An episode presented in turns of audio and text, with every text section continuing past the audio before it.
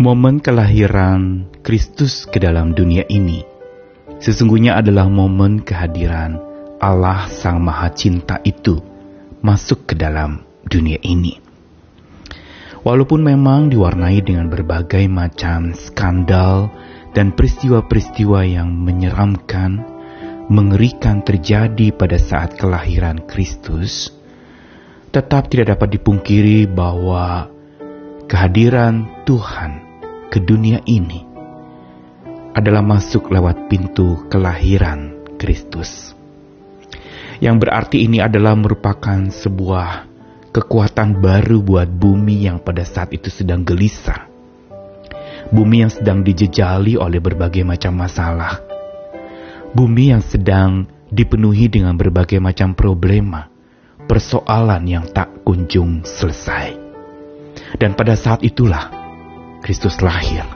Dan begitu pula pada saat itulah Allah hadir ke dalam dunia ini untuk membenahi dunia yang sedang sekarat saat itu.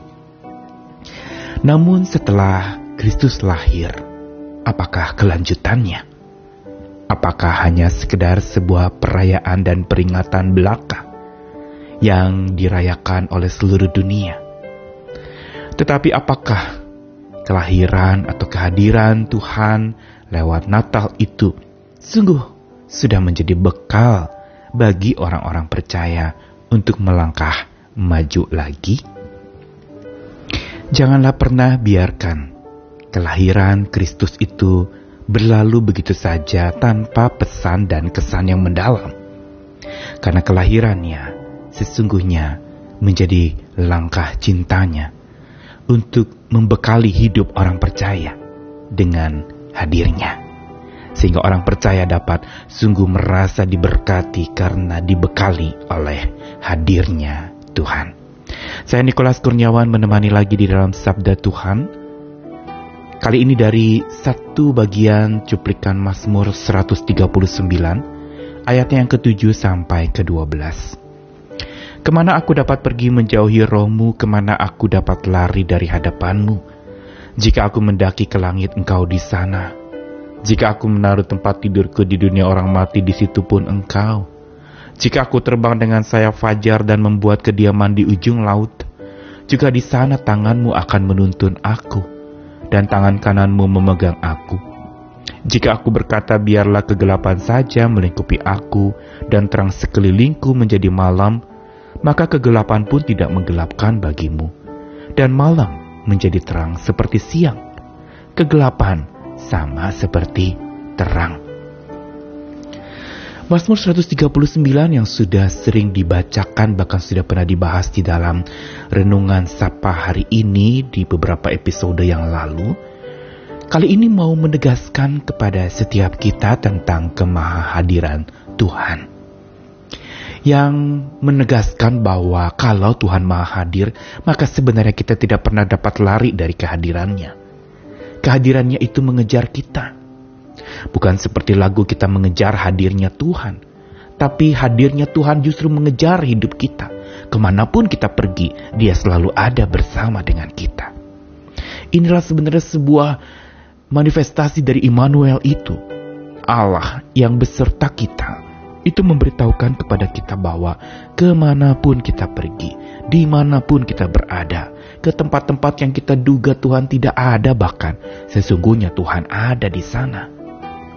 Dan yang menarik adalah di Mazmur 139 tadi, itu mau menegaskan bahwa kalau Allah Maha hadir dan kehadirannya itu sungguh memenuhi hidup orang percaya sebagaimana pemazmur alami, maka dampaknya adalah bahwa kegelapan tidak lagi melingkupi.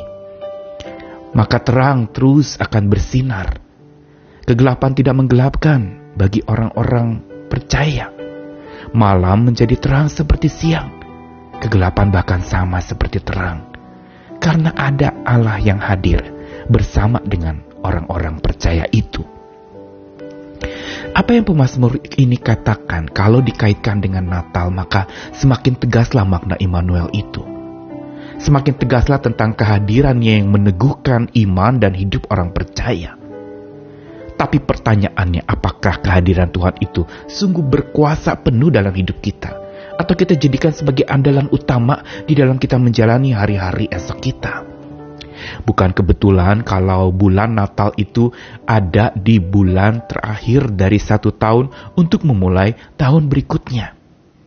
Ini mau memberitahu kepada kita bahwa memang kehadiran Kristus, kehadiran Allah lewat lahirnya Kristus, sesungguhnya merupakan bekal yang sangat diperlukan untuk menghadapi hari esok.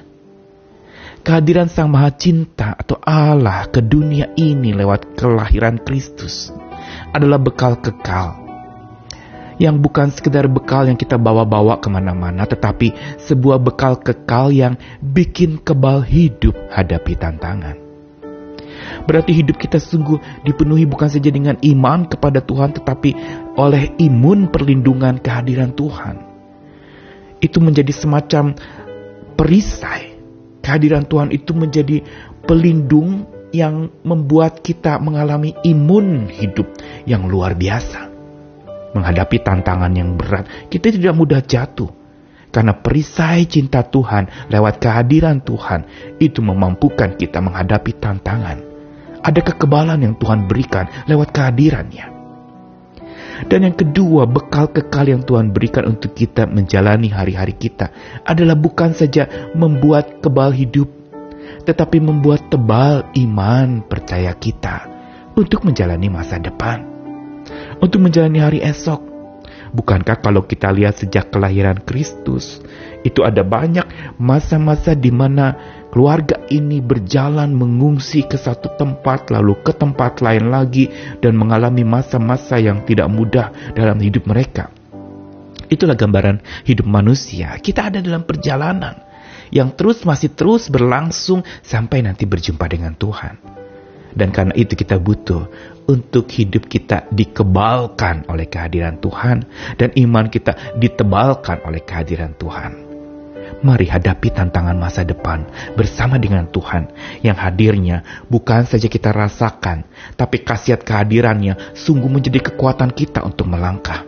Jangan takut, banyak prediksi tentang tahun yang akan datang mengkhawatirkan hati kita, mencemaskan. Banyak perkataan-perkataan manusia yang mencoba meramal ini itu, memprediksi ini itu, tetapi tidak memberikan sebuah jaminan penyertaan Tuhan di dalamnya. Hanya membuat manusia menjadi ketakutan. Tetapi ketika kehadiran Tuhan itu juga diberitakan, di balik segala macam peristiwa yang buruk yang mungkin akan menimpa manusia, maka sesungguhnya bekal kehadirannya itu menguatkan kita. Sekalipun di depan ada tantangan, sekalipun di masa depan ada kesulitan, hidup kita menjadi kebal karena perisai kasih melindungi, dan iman kita menjadi tebal karena kehadirannya membekali hidup kita.